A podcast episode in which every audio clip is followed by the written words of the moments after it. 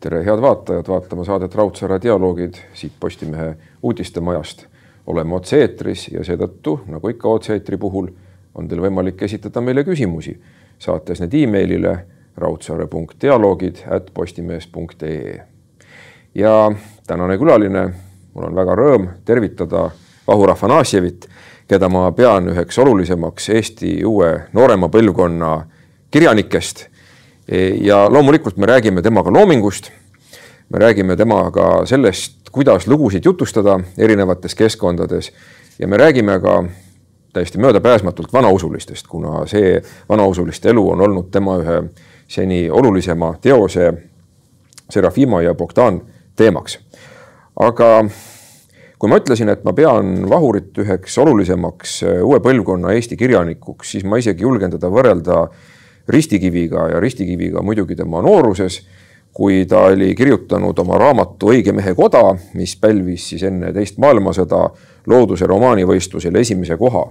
ja see oli selline võimas teos, mida võib tõesti võrrelda Serafima ja Bogdaniga, mis on ka võimas, viissada kuuskümmend lehekülge, aga mitte ainult lehekülgedest me ei räägi, vaid me räägime sellest, mis seal lehekülgedel leida on. ja kättemaks kui teema on ühtemoodi oluline olnud nii sellele Ristikivi esimesele romaanile kui Serafimo ja Bogdani raamatule. ja selline suur vorm, inimene, inimese võitlus saatusega ja siin Vahur on toonud ju ka võrdluse antiiktragöödiaga isegi, et ma saan aru, et struktuur, selle raamatu struktuur, mis räägib siis Peipsi ääres elavatest vanausulistest, on natukene laenatud antiigiklassikast. ja tere, aitäh kiidusõnade eest ristikiviga võrdlus väga äge, ma pean märkima, et mul on see ristikivi raamat äh, lugemata. Äh, aga lood, et äh, lugudel on jah, mingi selg, selgroog peab olema, et võib ise välja mõelda, aga, aga tegelikult mingid ägedad, tugevad, arhetüüpsed lood, et noh, piiblis on neid, neid väga rohkelt, aga Serafima ja Bogdani jaoks leidsin ma, leidsin ma niisuguse story üldse Vana-Islandi ähm, saagast, Völsungide saagast ja õieti, õieti öeldes ma täiesti muu projekti jaoks mm, otsisin äh, Skandinaavia lugusid, mida saaks tarvitada ja sattusin külmavärinaid tekitava mm, saaga jupi peale ja tegelikult ainult ingliskeelse kokkuvõtte peale, et äh, Völsungid on küll eesti keelde ka tõlgitud, aga, aga tõesti piisas tegelikult äh, noh, ühest niisugust korra, korralikust pikemat sorti lõigust, et saada, saada see selgroog, mille külge kõik see Peipsiveere värk, mida ma olin kas äh, lapsepõlves kuulnud või, või hiljem kuulnud või, või kuskilt äh, juurde lugenud ja mida ma siis töö käigus juurde lugesin, et et kõik see värk ühe, ühe selgroo külge panna.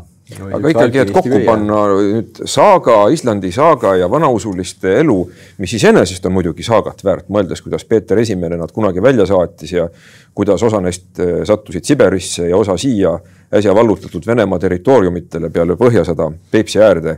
see on tõepoolest võimas lugu, aga et need kaks asja kokku panna tegelikult äh, ülima, ülimalt lihtne on, kui on äh, väga tugeva struktuuriga lugu, et noh, piiblilood on äh, ilmselt ikkagi niisugune kõige tuntum materjal meie kultuuriruumis, et et võtta, võtta ükskõik milline selline kompaktsem piiblilugu ja sa võid seda adapteerida ükskõik mis, mis oludesse või tingimustesse, et ega see, see ei olegi üldse keeruline mm. tegelikult no midagi nendes vanades äh, lugudes on, et ma ju, ma arvan, et nii, nii need äh, Islandi saagad kui piiblilood kui, äh, kui mis iganes meie, meieni on kuskilt jõudnud, et noh, need on need asjad, mida inimesed on üksteisele jutustanud, nii et seal ilmselt ennem kirjapanekut on olnud suuline pärimus ja, ja see on ikkagi destilleerinud mingid, mingid, mingid lood, mis töötavad igas äh, ajas, igas kontekstis. ükskõik, kus sa, kus sa neid tarvitad ja, ja ilmselt nad töötavad sellepärast, et nad ikkagi tegelevad, äh, tegelevad küsimustega, mis, äh, lähevad inimestele korda, tekitavad mõtteainet, et, et selles mõttes nagu tasub vaadata varem tehtud ja, ja ajaloo poole küll, alati ei pea kõike välja mõtlema.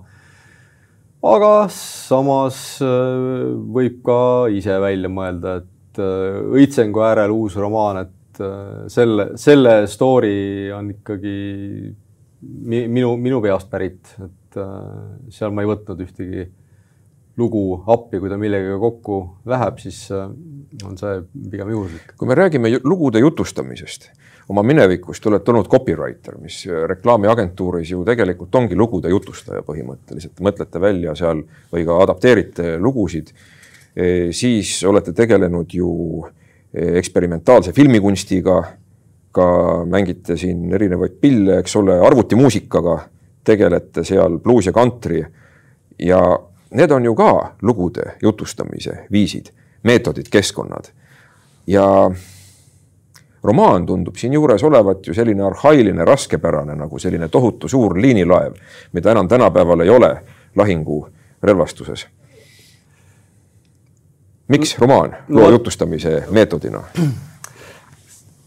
Kes tänapäevases ajas. kes millele, millega nagu kuidagi paremini toime tuleb, et ähm, mulle kohutavalt meeldiks, äh, meeldiks olla mm, äge päris muusikaga, kahjuks ma ei vea eriti viisi ja, ja pillimängu oskused on ka, jäävad mingisuguse, ikkagi mingisuguse pealiskaudsuse või laiskuse taha, et kirjutamine on millegipärast äh, ainus asi, milles ma suudan piisavalt süvitsi minna, kui, kuigi ma ise tunnen, et ma ikkagi olen nagu, äh, nagu mingisuguse halli, halli võsa piiril ja, ja võib-olla siis raiun sealt kuidagi, kuidagiviisi äh, mingi tee läbi, aga, aga kõike ma ikka kätte ei saa, et romaan minu jaoks on vaat et, äh, vaat et kõige lihtsam, noh, luule võtab loomulikult nagu vähem, vähem aega, aga luule sõltub väga palju inspiratsioonist, et äh, romaani kirjutamine on töö. kindla peale on ta töö. Te tegite viis aastat seda suurt romaani Peipsi no. vanausulistest, mis kokku on viissada kuuskümmend lehekülge, see on ikkagi võimas asi. Serafima ja Bogdan kordame siis pealkirja ja ma saan aru, et eh, ainest võtsite ju ka oma lapsepõlvest pisut, kuna kaheksakümnendail aastail teie vanemad ostsid suvila Peipsi äärde, sellesse piirkonda, kus see tegevus käib, Kolkja, kui ma ei eksi tegelikult äh, eksid küll, et nii vanemate suvi on sisemaal, et äh, Metsakivi küla on see kaardi järgi äh,. Kostina on äh, kohalik see keskmine osa äh,, venekeelne või vanausuliste osa ja siis äh, Kirepi on selle ümber niisugune suurte Eesti talude piirkond, et see on kümme kilomeetrit äh, sisemaale et äh, kõik need vanausuliste külad ei, ei ole otse mm, -hmm. otse järve ääres, aga noh, piirkond on ikkagi sama ja ega need, äh, praegu ma mm, elan Kasepääl, et ostsin Kasepääle maja, siis just Kolkja, selles mõttes mm -hmm. Kolkja on sul jällegi õige. kui alt liikuma hakata, Tartu poolt minna Varnja, Kasepää, Kolkja, ma usun, et ja, tänapäeval ja, ja, viimastel aastatel paljud on käinud juba Sibula teel. et noh, näiteks selle Kostina küla, kus mul see vanemate ostetud äh, suvemaja asub, et äh, selle inimestel seal ei ole oma palvemaja. Mm -hmm. ja ei ole ka surnuaeda, et nemad käivad sellesama Kasepää alla, siin on tegelikult tükk, tükk maad, aga kuidagi on niiviisi kujunenud ja seal on huvitav loomeelu üldse hakanud pihta. Voranja galerii näiteks kaks tuhat kolmteist aastal Kaili Kask ja Rauno Reškin. Rauno Reškini nimi on ilmselt Tartus loomemajandusega kokku puutunutele hästi teada-tuntud. tegid sellise galerii, olen seda ise vaatamas käinud, väga huvitav, mis seal, mis seal toimub. E, noh, väga põnevat nüüdiskunsti, näiteks oli Püha Kaja ikoon kus siis oli Kaja Kallas kujutatud iko-, ikoonilisel viisil. väga huvitavad ideed on seal näha. loomeelu käib, tundub, et see on väike renessanss, õitseng isegi võiks öelda piirkonnal jah, kindlasti see tõmbab, tõmbab elu käima, et noh, tegelikult veel, veel enne tehti ju Kasepääle ambulatoorium. ja noh, tegelikult ambulatoorium tegeleb praegu seni edasi foto, fotoasjadega. vahepeal tehti seal ka Vene filmi Vene filmipäevi, et äh, ja see tõmbab piirkonnale kindlasti tähelepanu ja, ja on ka kindlasti kohalikele kasulik, et kui, kui mitte, mitte muud moodi, siis noh, sibulad müüakse väga kiiresti, kiiresti ära, teeäärne sibulamüük. et no kindlasti võiks kohalikel seda kasu veel nagu rohkem olla, aga eks nad, eks nad peavad kuidagi ise välja nuputama, et mm -hmm. kuidas tähelepanu ja inimeste hulk ikkagi monetariseerida, et et ma arvan, et on, on veel, on veel arenguruumi. ja seal on ka vanausuliste muuseum ja need, kes on käinud piirkonnas, teavad ju, et need majad, mis on siis sellest külatänavast, seal on selline ridaküla, vöönd lausa ütleks need majad, mis jäävad järve poole, evivad ka kanalit, kust on võimalik kohe järvele sõita paadiga ja seal on selline õu, omapärane õu, kus raamatus tõlkimise mõttes oli teil küsimus, et kuidas seda siis tõlkida.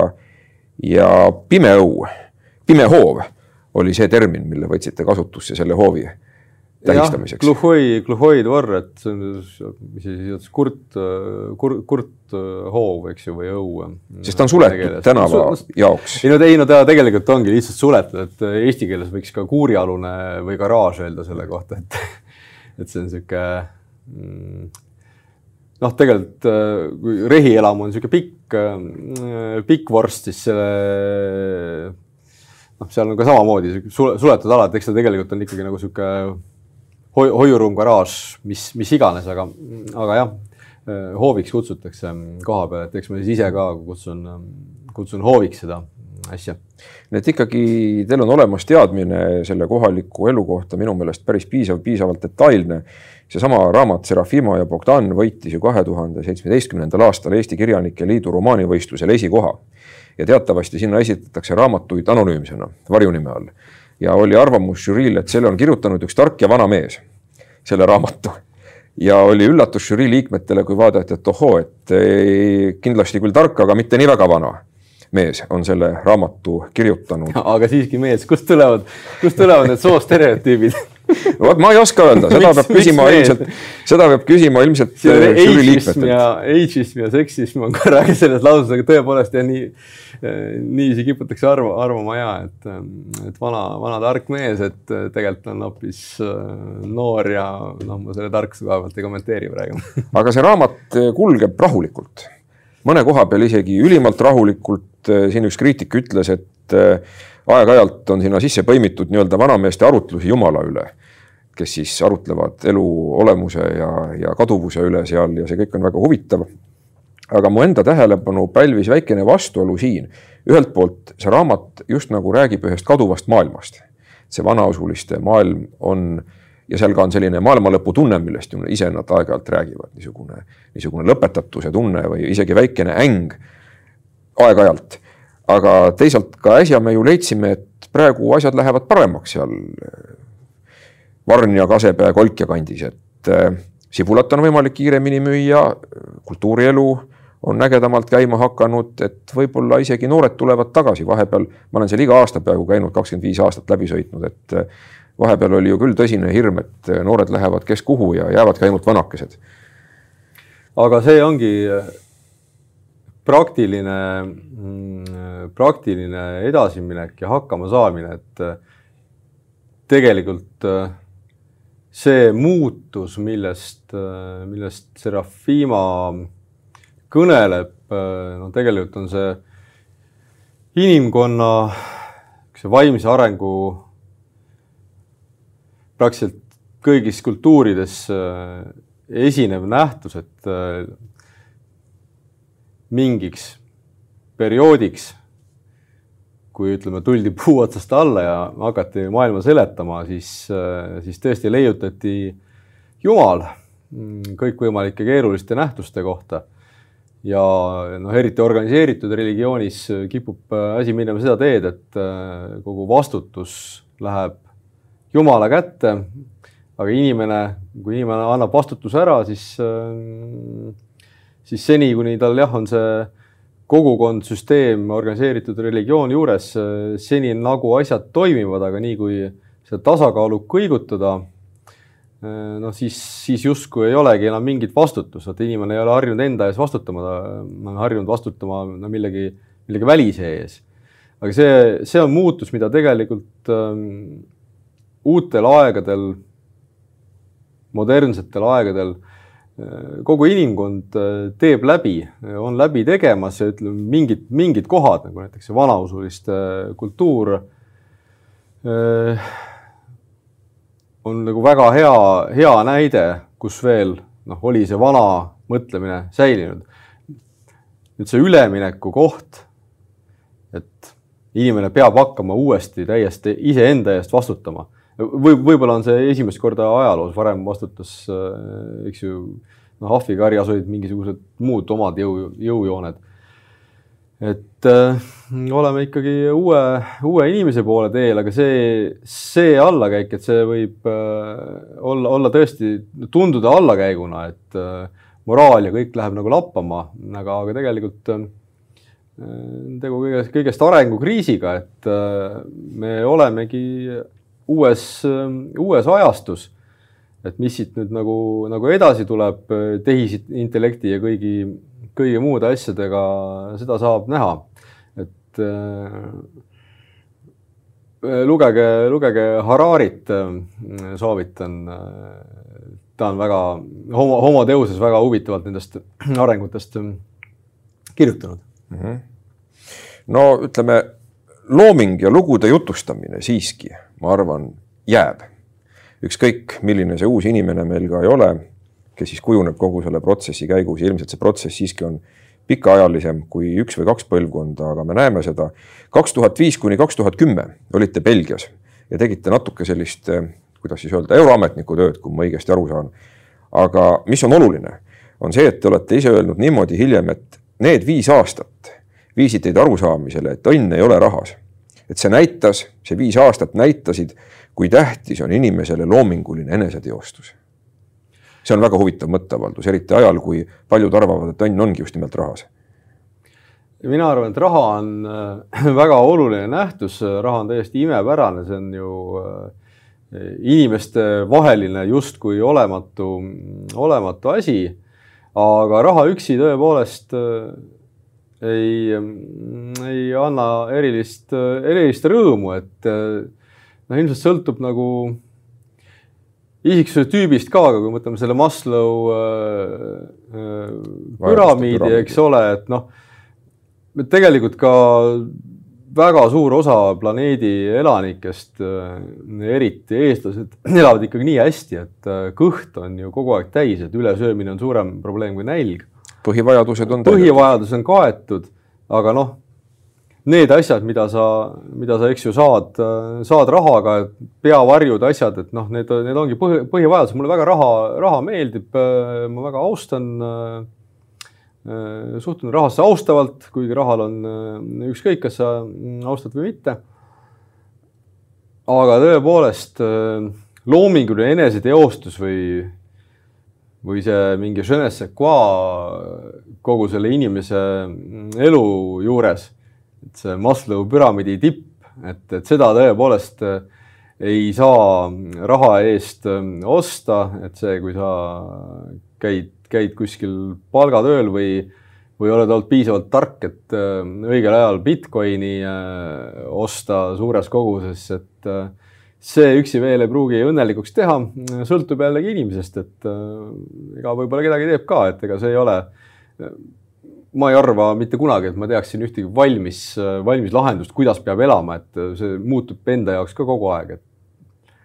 aga jah, raha on suurepärane nähtus, aga õnne, õnne mõõtmiseks ta tõesti ei klapi, samas ma suhtun ka väga ettevaatlikult äh, noh, nagu see Bhutanis äh, on, on välja mõeldud, et oh, meie keskendume me,, meie ei mõõda GDP-d, meie vaatame. inimeste õnnelikkust. ja inimeste õnnelikkuse indeksit, noh, see on tegelikult nagu sulaselge jama, varjamaks seda, et äh, valitseb mingisugune kitsas, kitsas klikk äh, aristokraatia ja ja, ja, ja sellega noh, põimunud, äh, põimunud mingi noh, sihuke oligarhia ja, ja tegelikult lihtsalt äh, me saame põge, pageda mingisuguse abstraktse õnnejutu taha, selle asemel, et noh, kõigepealt vaadata, kas me oma inimesed korralikult nagu ära toidame, et sellega saab näiteks vaesuse kohta öelda, et noh, meil tegelikult riigis on ikkagi, meil on tegelikult paremini kui, paremini kui Eestis, sellepärast et no meil on inimesed õnnelikumad, et selles mõttes GDP nagu üldse per capita ei loe. et noh, tegelikult see on ikkagi äh, ikkagi sulaselge jamps ja selles mõttes, kui ma olen kunagi öelnud, et äh, või alla kirjutanud väitele, et õnn ei ole rahas, siis äh, ühel te teisel hetkel, näiteks praegusel hetkel mulle jälle tundub, et võib-olla see on täienigi jamps. Et äh,. et on vaja ka raha, et olla õnnelik? ei no ra raha lihtsalt. raha on äh, vahend, väärtuste hindamise vahend, raha ei ole äh, iseseisev väärtus, rahal ei ole ju noh, nagu me praegu praegu näeme, kuidas see rahvusvaheline rahatrükk, mis küll praegu suures osas börsile, börsile suundub, noh, vaatame, mis nende ettevõtete market cap'id on metsik, eks ju. et no ühel hetkel jõuab see pigem peaks jõudma suhteliselt kiire inflatsioonini. raha väärtus juba praegu on kõvasti langenud, et noh, selles mõttes nagu raha tundub nagu nii Äh, see on peaaegu nagu õhk. igal pool. ja, ja, ja et siin on äh, klaasis on vesi, eks ole, vesi on nagu väga konkreetne, raha on nagu noh, nüüd on ta veel isegi mitte, mitte füüsiline ja pole kullaga seotud ja mitte midagi, et tundub, et mis ta siis nagu on, et äh, noh, mõneti ta ei olegi midagi, et ta on nagu no mis asjad on, mis asjad on arvud, eks ju. ka abstraktne nähtus, eks ju, ei saa neid saa neid ähm, süüa. no teie vanemad on matemaatikud, nii et nemad teavad arvudest palju, te olete kindlasti ise puutunud kokku palju arvudega, tähelepanelik vaataja on ju ilmselt juba mõistnud, et majanduse valdkond ei ole võõras meie saatekülalisele, kes on ju lõpetanud Tartu Ülikooli rahvamajanduse äh, vallas. nii et äh, oleks võinud ka karjäär kulgeda teises suunas. Äh, ja loomulikult oleks võinud, et selline see inimene on, et ähm, õpid, õpid mingeid, mingeid asju, et tõesti arvudega ümber käima võib-olla isegi, isegi õppisin, aga, aga targaks ei saanud, et näed, Bitcoini ei investeerinud äh, ja, ja Teslasse ka mitte õigel hetkel, et äh, seda, seda ei saa õpetada inimestele. selle peab inimene ise õppima aga ja majandusharidus kindlasti mööda külgi pole maha jooksnud mm. -hmm niisuguse huvitava tähelepaneku olete öelnud ajakirjandusele. küsimus, kui ma õieti mäletan, oli selline, et mis oleks saanud, kui ma ei tsiteeri, ma mälu järgi püüan seda küsimust meenutada, et kui Nõukogude aeg oleks edasi kestnud, et mis oleks teist saanud ja tsitaat, mille ma olen nüüd küll kirja pannud, on selline. nähtavasti õppejõud, võib-olla kirjanik, võib-olla joodik, päris karmilt öeldud. et eh, ega nõukogude ajal olidki tegelikult valikud suhteliselt eh, napid, et see keskkond on niivõrd oluline. See on, ma ei mäletanud seda vastust, eh, aga, aga tõesti väga okei okay vastus, ma arvan, et on kõiki neid kolme võimalik korraga ka teha edukalt ja mitte ainult Nõukogude Liidu tingimustes nii, aga praegu siiski me räägime kirjanikutööst, aga mitte ainult, et siin on ju, kui ma vaatan tõesti see muusika eksperimentaalfilmid, tulen tagasi selle lugude jutustamise teema juurde, et äh, ma saan aru, et see on see, mis teeb teid õnnelikuks. Maslow püramiidi mõttes, et see on see eneseteostuse tipp. vähemalt ilma selleta ma ei oska olla et äh, ma tunnen ennast väga-väga halvasti, kui ma ennast ei, ennast ei teosta loomingu kaudu mm. -hmm. ma peaks ütlema, et tuleb välja, siin laual me näeme viimast suuremat raamatut pealkiri on siis Õitsengu äärel, äärel ja jällegi raamat on suur. et. Eh, see on kogemata, ma, ma ei no, tahtnud, ma ei tahtnud üldse paksu raamatut teha, aga kuidagi tuli niiviisi välja. nelisada nelikümmend seitse lehekülge, et kirjutate suurvorme. julgeks öelda, et see on see, mis on jäänud ju viimasel ajal harvaks, see romaanide kirjutamine, suurte romaanide kirjutamine, et me elamegi ju sellises äh, ajastus, kus on inimeste tähelepanu välp hästi lühike et signaalreaktsioon, signaalreaktsioon, väga kiiresti vaadatakse videovorme. Me teame seda, et ei saa olla ka Youtube'is selline videoloeng pikem kui minut, Tallinna Ülikoolil on näiteks need ühe minuti loengud. aga, aga ometigi nelisada kuuskümmend või siis viissada kuuskümmend lehekülge raamatut ja neid loetakse, järelikult äh, seda on vaja. Ma arvan, et on vaja küll, aga ega see tähelepanu välp ja kõik, et äh, võib-olla tõesti midagi, midagi muutub, midagi on teistmoodi, et äh, mul on Tiktoki konto ka, et äh, ausalt öeldes noh, lühikesi, lühike asju väga pikalt ei, ei viitsi nagu vaadata et täiesti sõltub, aga mõnikord ma mõtlen, et võib-olla ka dramatiseeritakse ikkagi üle, et äkki see, äkki see väga lühike, väga lühike vorm ja, ja pikk vorm ja, ja kõik need asjad, et äh, äkki lihtsalt tundub, et äh, me oleme väga niisuguse tweet'i peale välja läinud, et mm -hmm. et võib-olla noh, meil on lihtsalt need tehnilised vahendid, need tweet'id nagu äh,, tweet'id nagu ära teha, nii, nii et nad on kõigile nähtavad, eks ju noh, no ei kujuta ette, vana paberlehtede ajastul, eks ju, keegi nüüd mingit äh, äh, tõesti tweetide ajalehte nähtavasti ajakirjanduse ajaloos ei ole, ma ei ole ajakirjanduse ajalooga nii hästi kursis või on olnud niisugune asi olemas? ei, niisugust lühikest vormi. aga olid aforismikogumikud? tõsi. aforismikogumik, mis see on, tweetid võib öelda nii. jah. et võib-olla mõned muutused ei olegi nii, nii suured, kui nad nagu mõnikord Äh, tunduvad või nii dramaatilised. aga võib-olla on ka, ega mul ei ole nagu seda täisvastust, see on täpselt niisugune teema, et võiks pikas essees arutada ja, ja noh, ütleme nii, et ma ei usuks seda esseed, kui see jõuaks ühe selge vastuseni mm. -hmm. aga üks vastus mind huvitab, et ikkagi, miks romaani vaja on tänapäeval? mida see võimaldab loo jutustamise mõttes? Äh, igasugune lugude jutustamine on, äh, aitab elu struktureerida iseenda äh, pidevalt peale tulevat kogemust, näha, kuidas, kuidas keegi teine seda struktureerib, et ma arvan, et ma Serafima ja Õitsengu mõlemad olen kirjutanud võib-olla liiga realistliku kogemusena, isegi selles mõttes realistliku kogemusena, et no kasvõi see õitseng, ma tegelikult plaanisin, plaanisin väga konkreetselt kontsentreeritud lugu, võib-olla, võib-olla isegi näidendit alguses, aga ikkagi minu peast tulid, et ähm, tuli hulk tegelasi, kõrvaltegelasi ja nii edasi, et see, see nüüd noh, tegelikult reaalne elu, nii nagu ta, nii nagu ta on, et äh, Dotti Godman, kes üritab maailma mm, asteroidi käest päästa, et äh, et no nähtavasti nii see, nii see protsess äh, näekski välja ja nii palju neid äh, tegelasi olekski, kellega ta suhtleb või, ilmselt oleks neid tegelasi veelgi, äh, veelgi rohkem. et see on väga niisugune realistlik kogemus, võib-olla peaks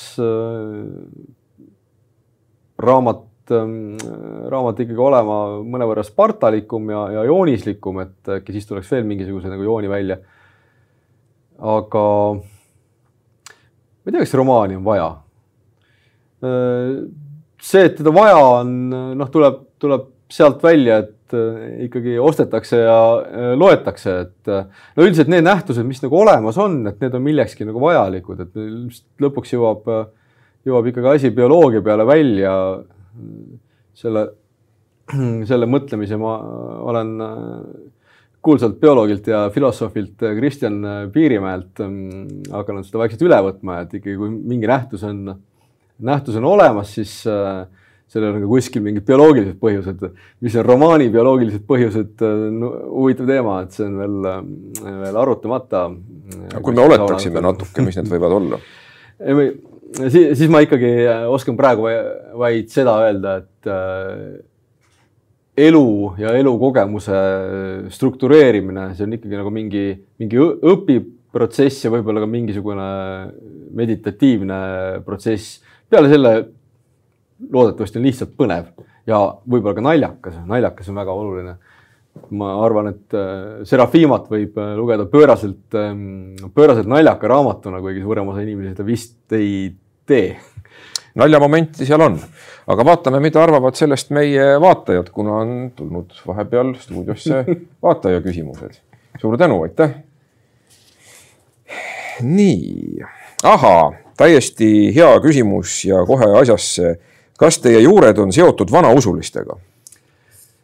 no vot, sellised need äh, need kirjanikud ja loomeinimesed äh, ongi, et äh, kõik on kerge, kerge võlts, et ei ole seotud äh, juured tõesti vanausulistega, et ja ka see Afanasjev, et minu teada see minu, oli teie vanaisa perekonnanimi. ja minu vanaisa perekonnanimi, vanaisa Pavel Afanasjev oli Eestis pärast sõda oh, ma täpselt ei teagi, et vist äh, äkki paar aastat äh, abiellus minu vanaemaga, sündis minu isa ja siis äh, Pavel lasi Venemaale jalga, tuli välja, et ta oli tegelikult ka Venemaal ametlikult abielus ja, ja lihtsalt läks, läks selle algse pere juurde tagasi. Oma Venemaa sugulastest ma ei tea mitte midagi peale selle, et kuskil peaks olema või on olnud pooltädi. ja noh no ilmselt on kuskil mingid sugulased. Eestis on väga palju Afanasjeveid, see on ähm, imetabane, kui palju neid on. aga minu andmetel ei ole nad äh, üldse minu sugulased mm. -hmm.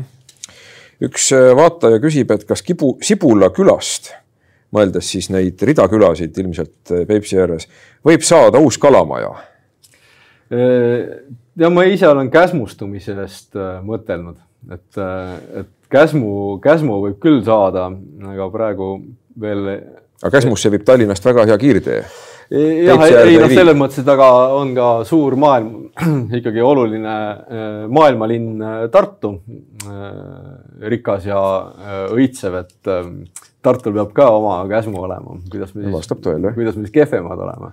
Sest ega vaadata keskmist palka, keskmise palga erinevus Tartu ja Tallinna vahel on vähenenud viimasel ajal, kuigi ta on alles, aga ta on palju vähenenud. kuule, see on jah imetabane, imetabane värk, et äh, Tartus on ka tegelikult äh, ikkagi IT, IT-sektoris äh, mitmeid äh,, mitmeid firmasid ja ütleme, välismaa või rahvusvaheliste ettevõtete siukseid arendus, äh, arenduspesakesi, et äh, need palgad on seal täitsa ime, imetabas, et ma ei imestaks, kui, kui on ka kümne, kümne tuhandese palgaga inimesi. ja oma tööd saaksid nad teha ka Peipsi äärest, osa äh, nädalast kaugtööna. no ma, ma ei, ma ei imestaks, internet on äh, mul on väga hea, et äh, meil on tõesti valguskaabel pikki seda järveäärset tänavat, meil on tegelikult kaks valguskaablit, et see valdade projekt, mille mm targad riigi, riigi esindajad tuksi keerasid, see kollaste postidega asi, et see kaabel jookseb maa sees ja Elektrilevi tõmbas äh, posti otsa õhuliini valguskaabli, et mul on see õhuliini oma, aga teine on varuks. väga hea, siis on tagavara olemas, kui midagi esimesega peaks juhtuma. aga kui me ütleme, et toimub käsmustumine, siis mida see tähendab? ei, tegelikult ma ei tea, mis käsmustumine täpselt tähendab. aga umbes? noh, kõik kuidagi väga sihuke nunnu käsmu inimesed hakkavad kohe pahandama, tegelikult mina ei tea sellest käsmust eriti midagi, et noh, kõik on väga nunnu, kuskile mingitesse kohtadesse ei tohi, ei tohi üldse sisse, sisse keerata või jalga tõsta, inimesed vaatavad võib-olla imelikult, siis on mingisugune, mingisugune üritus ja, ja see on, see on nagu tore, aga noh, mingi noh, sihuke jah, tegelikult äh, no mis Tartu, Tartu supilinnaga Kalamajast rääkida, Tartu supilinn, et praegu seni räägitakse mingit äh, supilinn, supilinn juttu. Mhm. -huh. vana Agul, äh, kehvad puumajad. Äh, noh, tegelikult on praeguseks nagu siukseks korralikuks keskklassi magalaks muutunud, et no see on tegelikult okei okay., ma ei arva, et kesklinna lähedal peaks mingisugune päris, päris Agul olema. nojah, aga, see metsik vibe ju kaob ära no see metsik vibe on mujal selles mõttes. aga kus? Äh, äh, Anne linnas. tõesti jah? Lasnamäel, tahate reaalset agu, Aguli elu ja et kuskil on äh, oma paraadne Jota, oi kui nunnu ja, ja seal, seal korteris mängib keegi kitarri ja seal korteris laseb keegi makimuusikat, palun. see on praegu, praegu reaalne värk, et noh, supilinn ikkagi kunagi üks äh, eestiaegne mees rääkis, et äh, supilinn oli ikkagi nii karm koht, et äh, supilinna tüdrukut ikkagi koju saata ei julgenud, et supilinna piiril, piiril ikkagi kutid üldiselt pöörasid tagasi, et muidu supilinna pätid andsid peksa. et kas see mitte ei kõla kõik jube tuttavalt ähm, noh, Lasnamäe, Lasnamäe või Annelinna imago, imagoga, et kõlab ju. et kui keegi tahab äh, päris eestset äh, tänapäevast Aguli, Aguli kogemust, siis kolige Lasnamäele, this is the real shit tuleb ära proovida e kirjanik, kes kirjutab oma keskkonnast, mõnikord ei ole kõige armastatum oma keskkonnas, kuna siis tulevad naabrid, ütlevad, et kuule, et sa nüüd sellest Juhanist, Jürist või Ivanist, sa, sa maalisid vale pildi. kuigi tuleb ju endale aru anda, et ega siis kirjanik kasutab prototüüpe küll, aga see ei pruugi olla, nagu öeldakse Hollywoodi filmide lõpus, et äh, ei ole side tegelikkusega üks-ühene, et see on juhuslik. jah ju,, juhuslik, noh, selles mõttes juhuslik, et kuida-, ilmselt see ei ole, selles mõttes ei ole üldse juhuslik, et äh, see olen ikkagi, ikkagi mina ja, ja minu mõistuse toim-, toimimise mm, pajuvõsa. aga küsimus konkreetne oli see, ma siin rääkisin ise pika jutu, et kas kohalikud tunnevad teid ära ja kas nad tunnustavad teid, sulgudes või siis vastupidi, mitte? Äh, ma arvan, et ega nad minusse halvasti ei suhtu, aga ma ikkagi olen niisugune low-key äh, tüüp koha peal, et. Äh, mis mõttes? no ei taha, ei taha väga-väga inimeste ellu niiviisi aktiivselt sisse, sisse trügida ja ma arvan, et nad ise ka. vot kes see ütles äh,?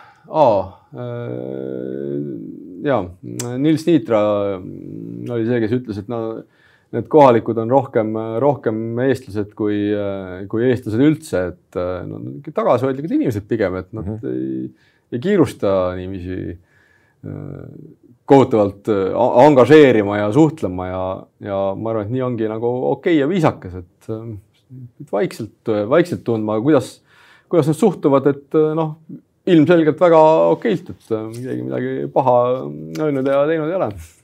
ja mina suhtun ka väga okeilt ja lugupidamisega mm. -hmm.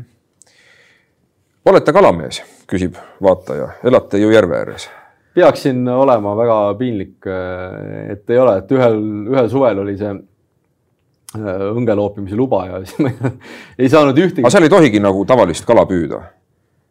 niimoodi õngetada? ei, selles mõttes õngetamiseks, spinningu värgiks sul peab äh, luba olema uh äh, -huh. ikka, et ähm, no selle saab SMS-iga osta, et see ei ole mingisugune küsimus või hooajapileti. ja võrgupanekuks on jah, seal mingite lubade peale võidujooks, et Äh, okei okay,, ei, ei püüa kala, aga peaksin, sellepärast et mul on, mul on äh, paat on olemas ja, ja vesi on sealsamas ja mm., ja kui kaua sa ikkagi nagu niisama ringi, ringi paarutad, et ju peaks nagu nalja, nalja tegema ikkagi natukene. no nagu öeldakse, et kui ise ei tee, et kes siis veel.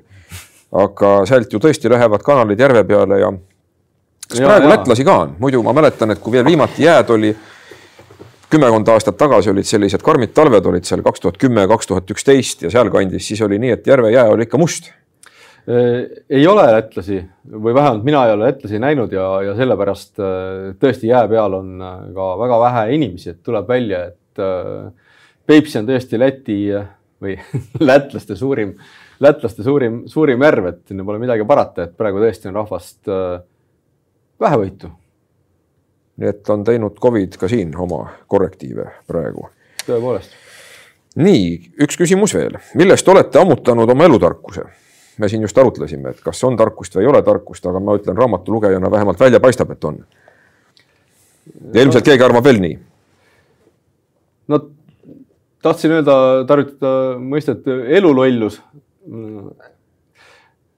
tarkust igas hetkes ja püüan loomulikult nagu struktureerida ja aru saada, analüüsida, aga, aga, aga see kõik, kõik muutub, et äh, iga kord, kui sa vaatad, siis äh, elu on juba edasi läinud, et, et elutarkus ei ole kindlasti midagi mm, absoluutset.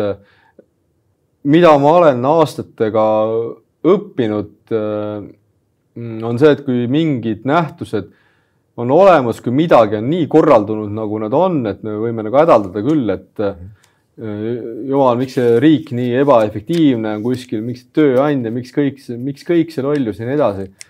Äh, noh, tasub äh, loomulikult olla kriitiline ka ja asju õiges suunas lükata. aga tasub ka rahulikult analüüsida ja vaadata ja mõelda, kas, kas mitte asjad polegi umbes, umbes nii, nagu nad saavad olla, et noh, selle niisuguse pehme kapitalismiga, mis meil on, et võime ka kohutavalt ebarahul olla, turumajandus ja kõik asjad. või kui kohutav ebavõrdsus ja nii edasi, no inimesed tegelikult, tegelikult ei olegi võrdsed, võime nagu väga kriitilised olla ja tahta kõike lammutada.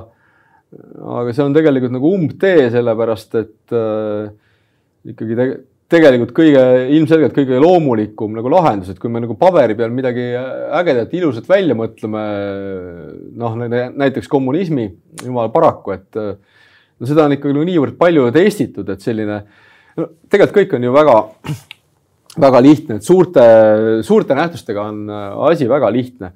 Et kes on siis targem, et kas mingi üks tüüp, üks vahurahva naissi siin diivani peal või Karl Marx või, või Žižek või kes, et äh, istub nüüd üksi maha, paneb äh,, paneb kogu tarkuse kirja ja siis me nüüd teeme selle järgi, et noh, see on loomulikult nagu absurdne, et äh, meil on planeedil miljardid mhm. inimesed mm, -hmm. igalühel on oma individuaalsed vajadused, oma individuaalsed oskused. et see peab töötama iseeneslikult, et jaa see on tore, kui keegi annab suuri narratiive ja me püüame sel, nende suunas liikuda ja nii edasi. aga, aga sihuke plaani, liigne plaanipärasus ja organiseeritus no lihtsalt ei tööta, sellepärast et computing power'it nagu arvutusvõimsust jääb liiga, liiga väheks, et sul on nagu äh, valik, et kas sul on, palju meil elanikke äh, siin äh, planeedi peal nüüd on mingi seitse. no vist juba hakkab kaheksa. hakkab kaheksa miljardi poole minema, kas sa, kas sa valid nagu kaheksa korega protsessori või valid nagu ühe korega protsessori, et. et selles mõttes kaheksa koret võib-olla, võib-olla see üks on nagu väga-väga vägev ja taktsagedusega, aga ikkagi kaheksa miljardit äh, nagu tuuma teeb ju tuule alla, et äh, ei ole parata. Sellepärast, sellepärast ikkagi turumajandus on, on lihtsalt bioloogiline paratamatus, jõuame jälle. bioloogia juurde. jõuame jälle bioloogia juurde. tšau, Kristjan, kui sa vaatad.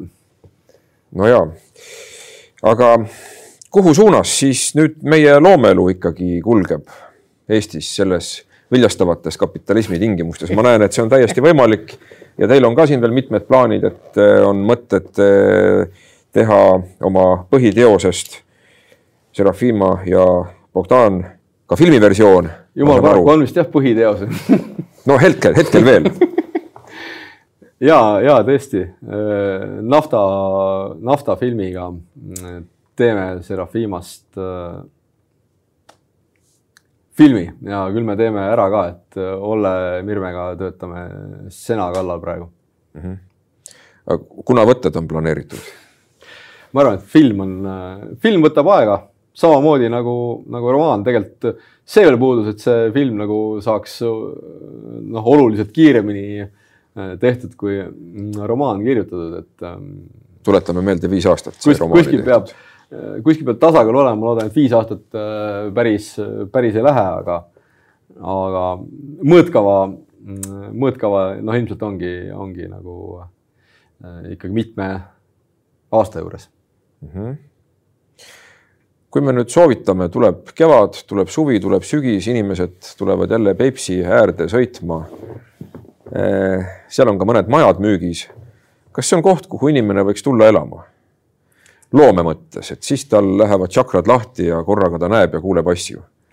ja seal on tõesti maju müügis, et eh, siin eh, eelmisel kevadel tundus üldiselt tundub, et ikkagi see raha, raha hulk on nagu otsustavalt suurenemas ja tõesti väga palju maju osteti ära, aga nüüd on üht-teist äh, uut müüki tulnud, et äh, tartlasele, äh, tartlasele suvemajaks loomulikult püsivalt elada, no sõltub su tööst, et, et miks, miks mitte ka, ka püsi, püsivalt elada, et tõesti ei pea tingimata linnas korteris elama. loomel on kindlasti hea sõltub jällegi, millisele loomele, et mida, mida inimene, inimene teeb ja kui palju ta vajab teisi inimesi, et äh, noh, alguses oli juttu, et miks, miks romaan, et noh, romaan on ka väga niisugune asi, mida üksi pusida, et see näitab, see, et ma romaane kirjutan, võib-olla näitab, et ma lihtsalt olen kihv, kehv, kehv äh, tiimitöö tegija. et niisuguseks äh, omaette pusimise töödeks lihtsalt suurepärane elada maal, soovitan kõigile ja valguskaabel on olemas, selles mõttes kogu maailm on äh, väga, väga kergesti kättesaadav praegu Covidi tingimustes, et kui su, äh, kui varem oli võib-olla raske tööandjat äh, ära veenda, et ma tahan nagu suurem osa ajast kodukontoris töötada, siis praegu peaks õige lihtne olema. ja muidugi loomingule, aga igasugusele muule tööle täiesti, täiesti miks mitte. ja siis ütleme, kes soovib, see proovib nii loomingu osas kui elamise osas Peipsi ääres. aitäh, Vahur Afanasjev, selle huvitava vestluse eest loomingust ja lugude jutustamisest. ja eks jutustame mingis mõttes meiegi siin koostöös dialoogilises vormis saatekülalistega lugusid. ja järgmine nädal siis juba järgmine lugu järgmise külalisega seniks aga olge terved ja kui saate võimalust, siis käige maal ja nautige seda suurepärast talve, mis meil on. kõike head. thank you